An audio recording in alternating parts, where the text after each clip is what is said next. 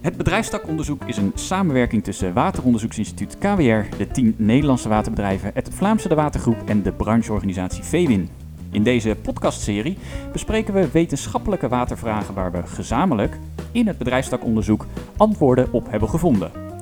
U luistert naar Waterzaken. We begonnen met uh, de theorie, de theoretische achtergrond en we zijn steeds een stap verder naar de praktijk gegaan. Ik ben Tim van der Mast, communicatieadviseur bij KWR. En ik ben Geertje Pronk, pro programmamanager en onderzoeker bij KWR.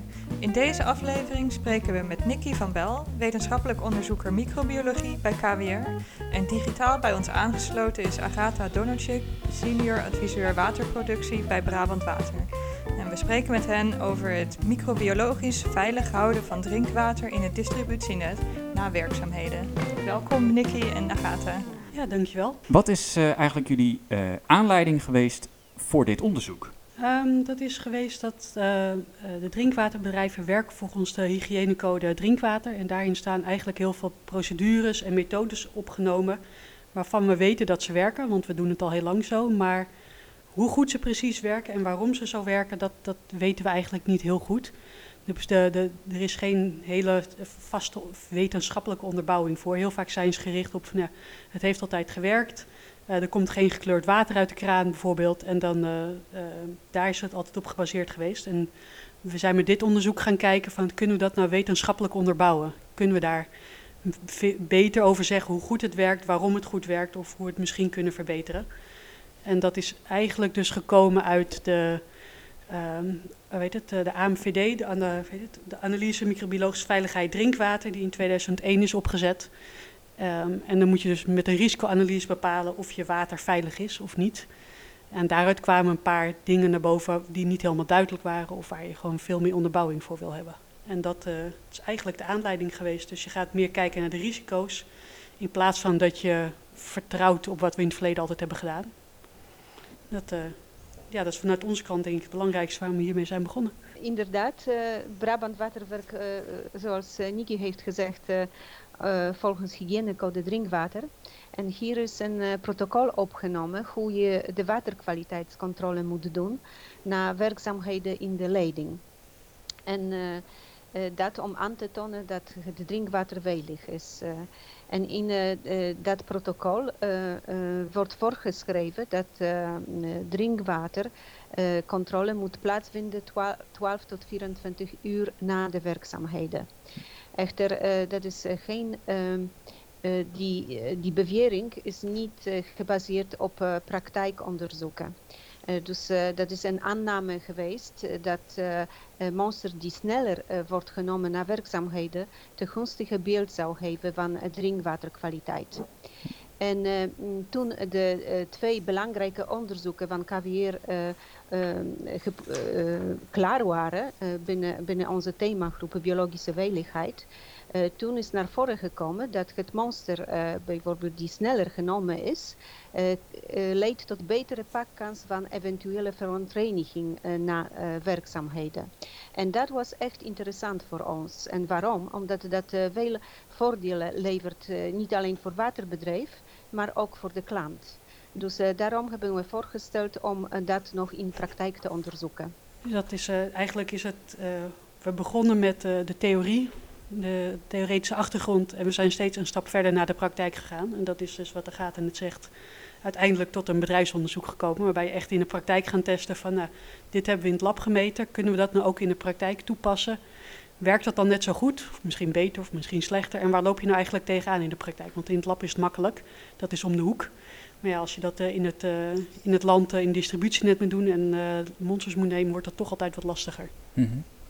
En, en voor die stap zeg maar, van, het, van het lab naar de praktijk, en daarom was deze samenwerking of dit gezamenlijk onderzoek met Brabant Water nodig. Ja, inderdaad. Uh, in het kader van bedrijfstakonderzoek is uh, altijd mogelijk uh, om één keer per jaar een, een voorstel te doen voor specifiek onderzoek. En dat, dat noemt men een bedrijfsonderzoek.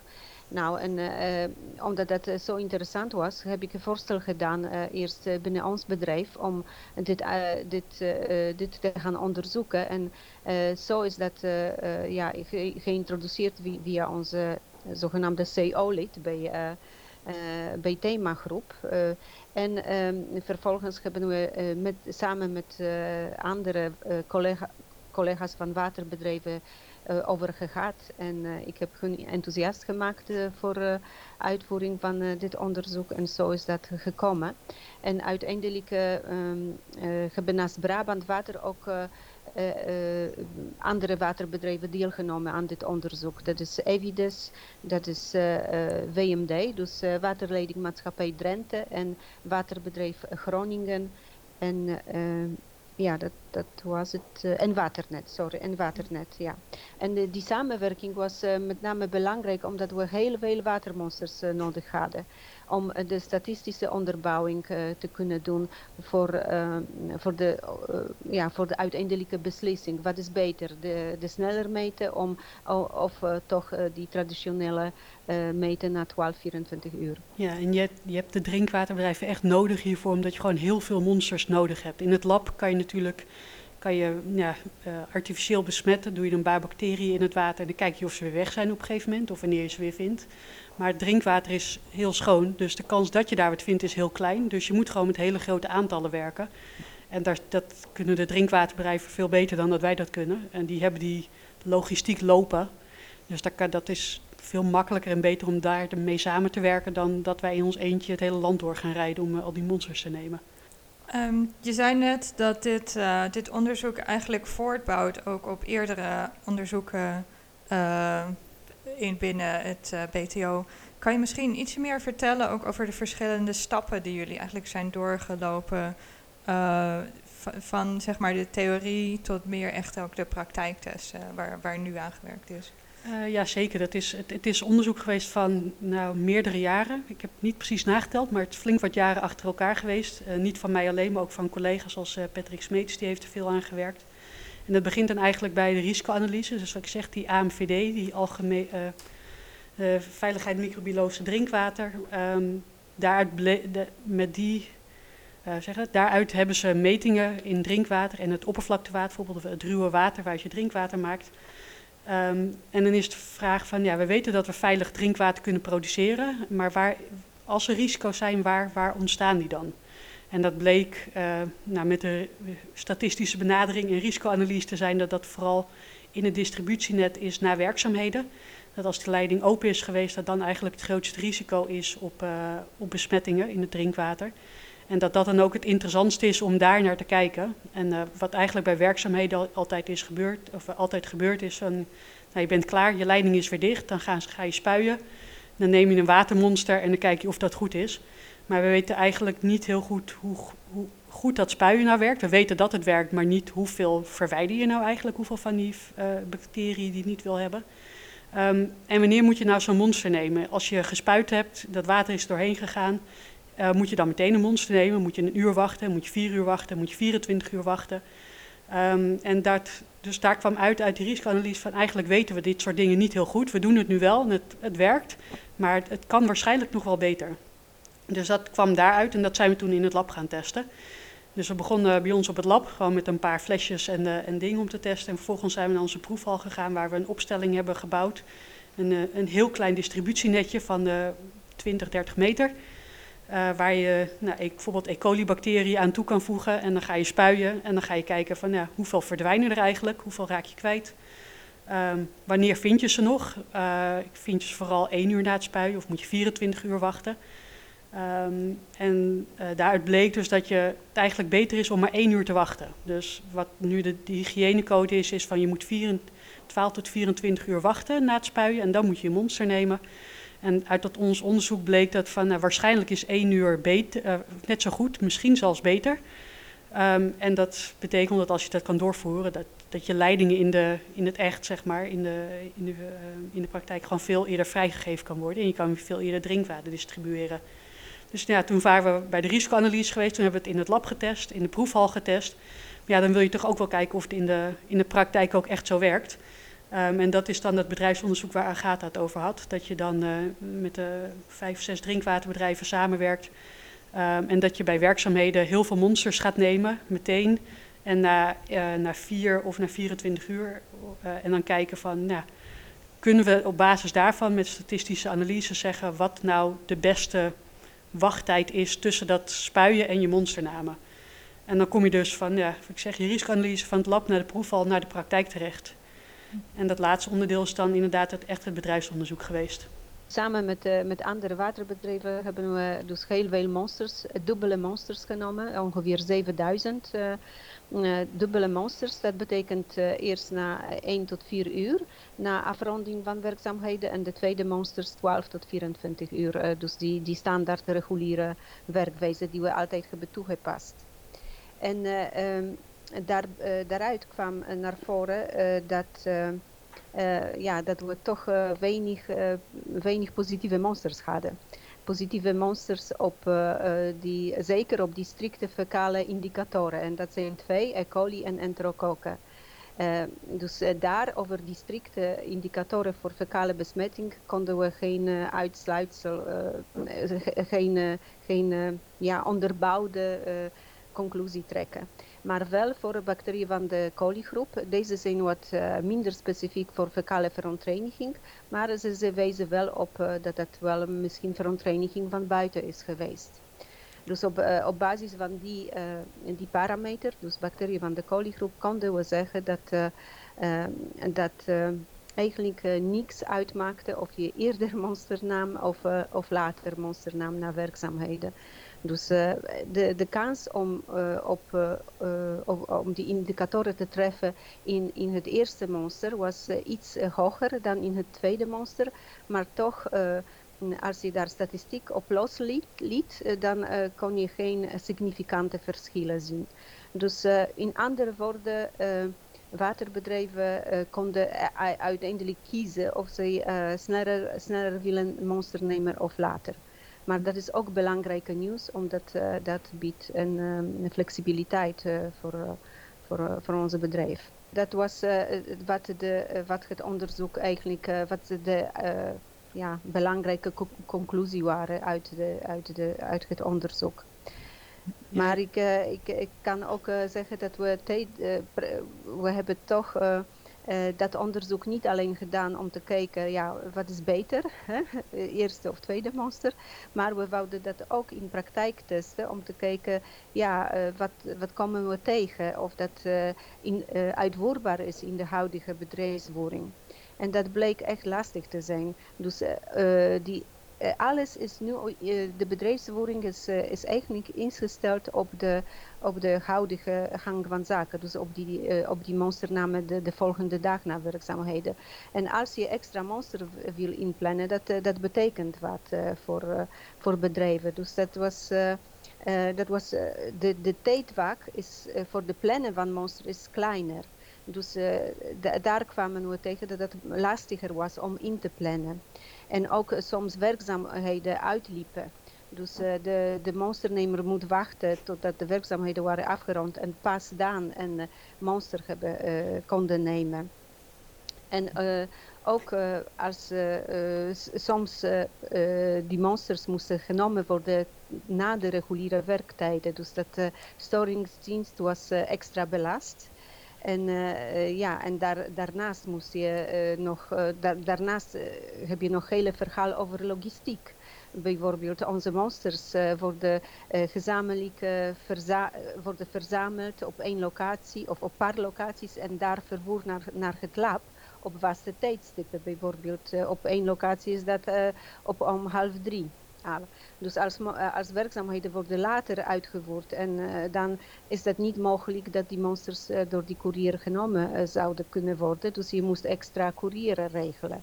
Dit soort praktische dingen kwamen we tegen en ik zou hier ook niet, nog niet vertellen over de reguliere werktijden van het laboratorium. ja, die, die wou, wou, natuurlijk ook niet overwerken. Dus aan, aan al die dingen moeten we in de toekomst nadenken als we zouden dat dat sneller, uh, uh, sneller nemen van monsters naar werkzaamheden introduceren in onze bedrijfsvoering. Ja. Ja, dus, dus het is uh, inderdaad vooral dat, dat, nou, wat je nu ziet met het bedrijfsonderzoek is dat de praktijk is toch anders dan, de, dan het lab. Is niet heel vreemd, maar je loopt mm -hmm. tegen dingen aan waarvan je denkt, nou dat kan misschien wel eens lastig worden. In de praktijk blijkt dat misschien niet te zijn. En soms dat je denkt, ja, dit, hier moeten we echt hele bedrijfsvoering voor om gaan gooien.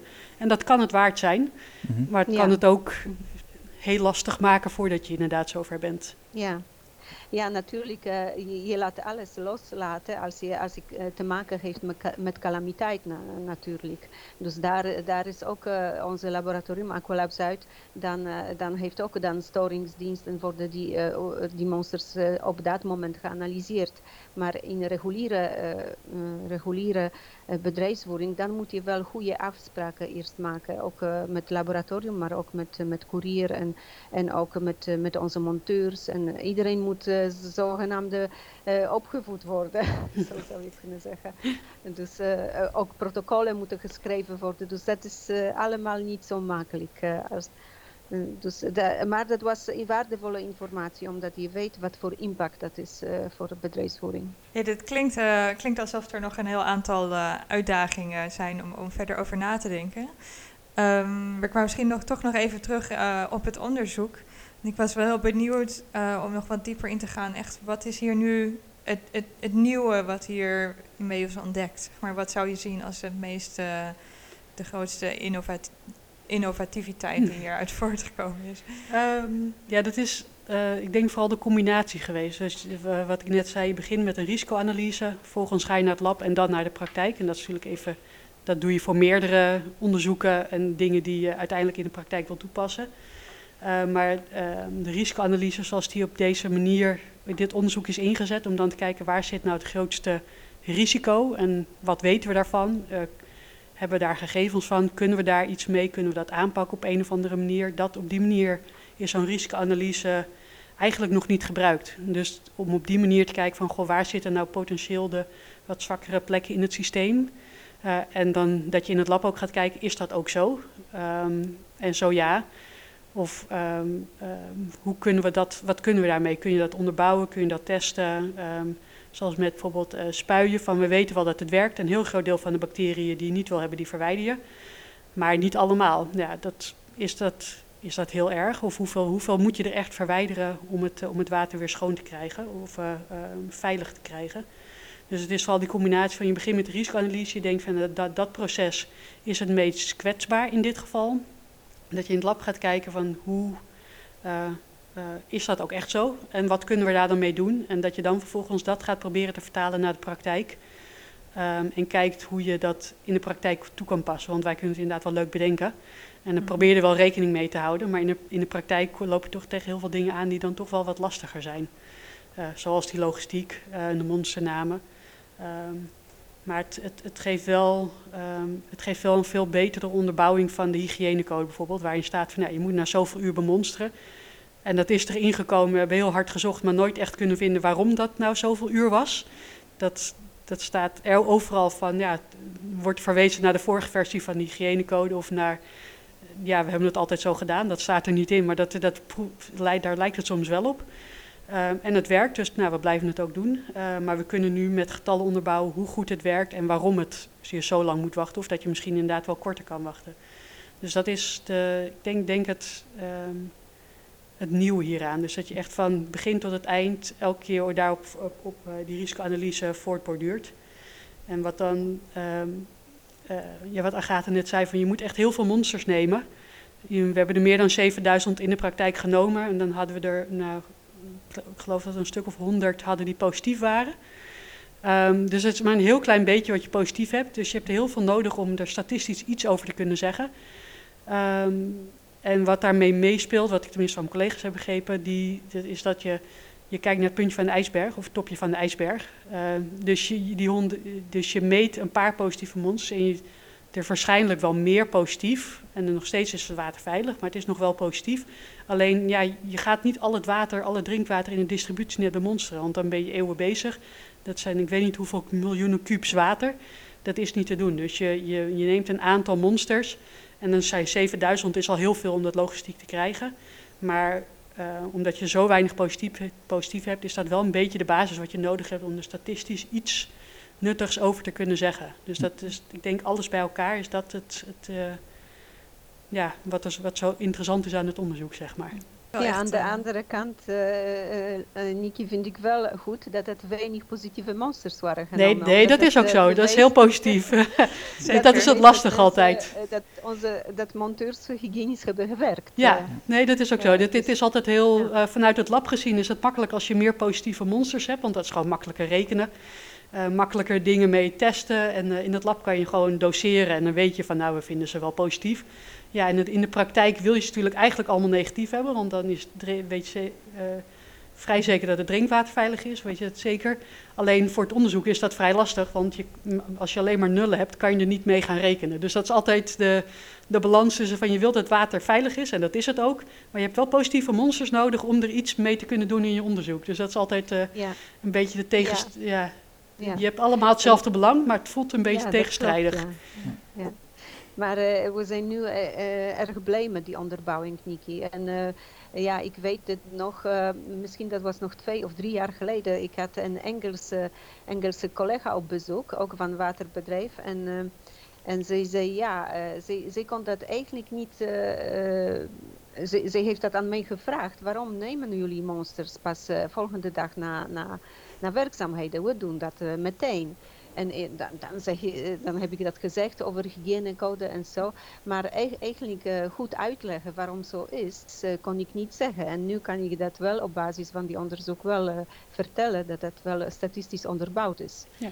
Dus ja, Nee, dat, dat, is denk dat is een positieve van. Ja, dat is denk Ja. ik heel mooi inderdaad. En dan de laatste stap die ik denk ik nog niet eens heb genoemd, is dat we nu inderdaad die, die snellere eh, monsternamen naar werkzaamheden, dat, dat, ook, dat, we nu bezig, dat het nu in de hygiënecode komt. Ehm, dat loopt nog, dat, eh, dat duurt altijd even voordat de nieuwe hygiënecode er is. Dat is elke zoveel jaar wordt die eh, weet het, opnieuw uitgegeven.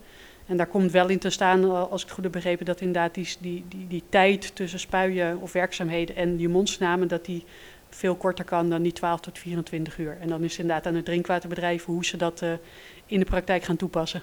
Ja. ja, want daarover gesproken, hoe, hoe is dit toepasbaar in de praktijk, Agatha? Kan je daar wat eh, over vertellen? Ja.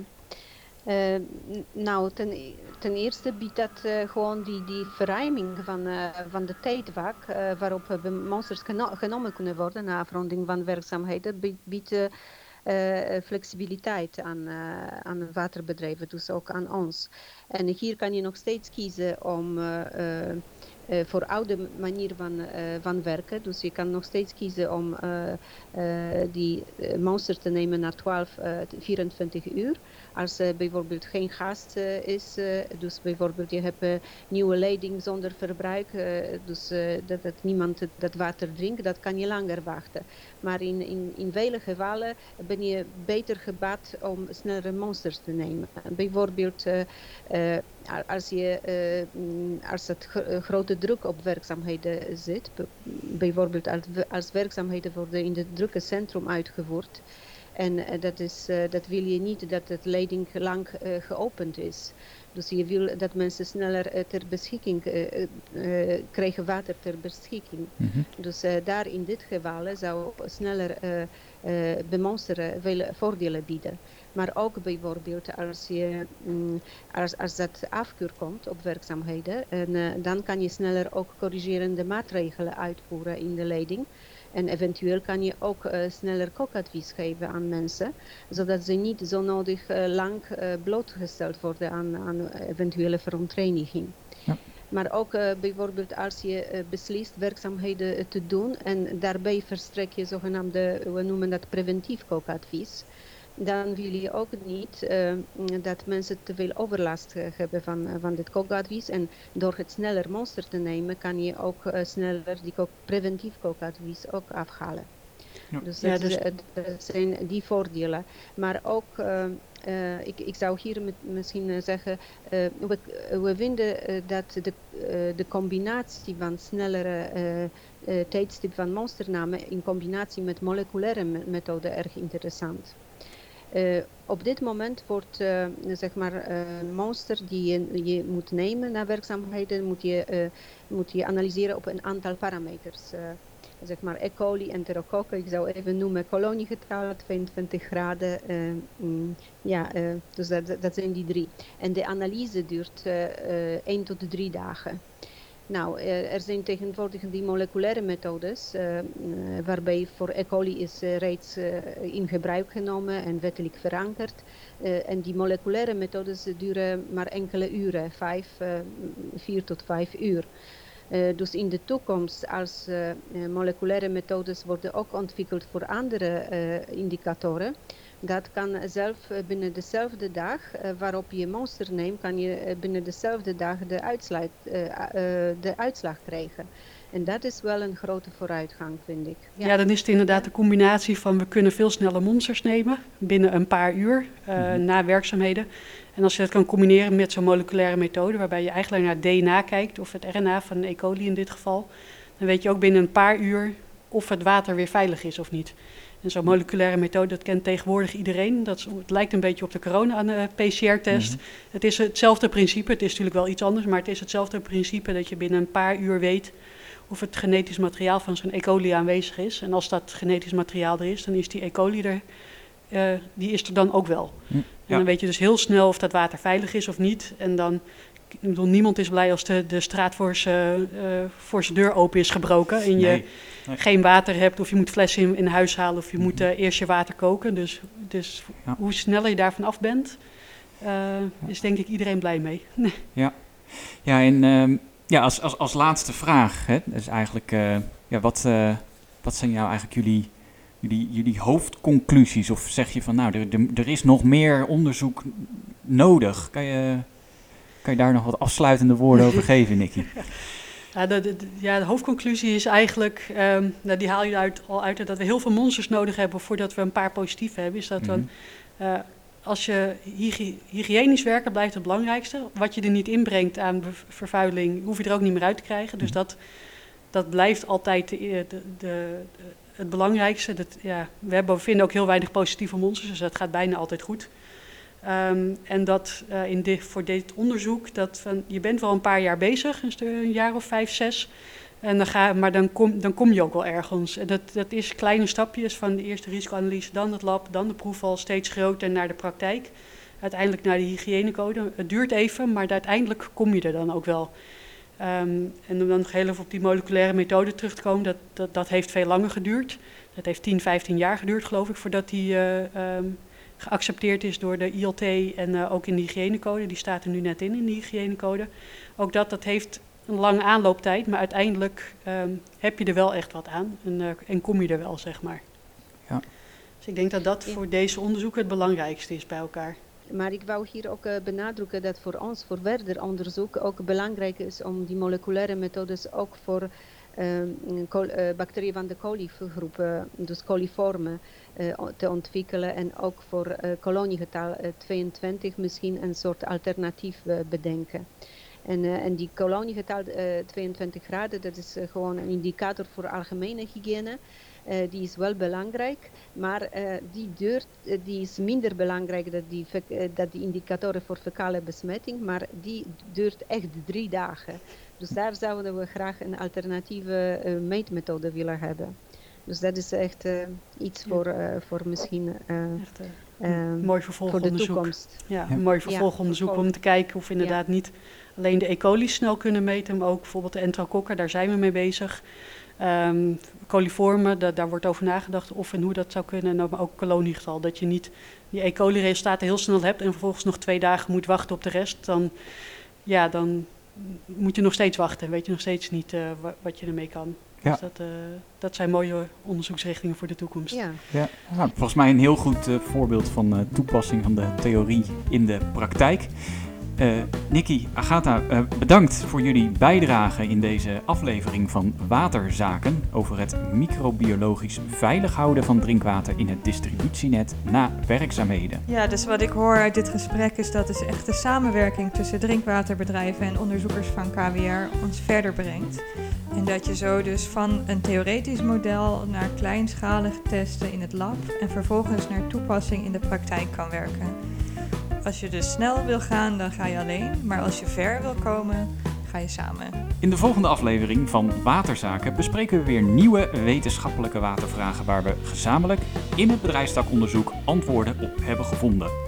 Ga naar kweerwater.nl slash podcast om u te abonneren via uw favoriete podcast-app, zodat u op de hoogte blijft van alle waterzaken.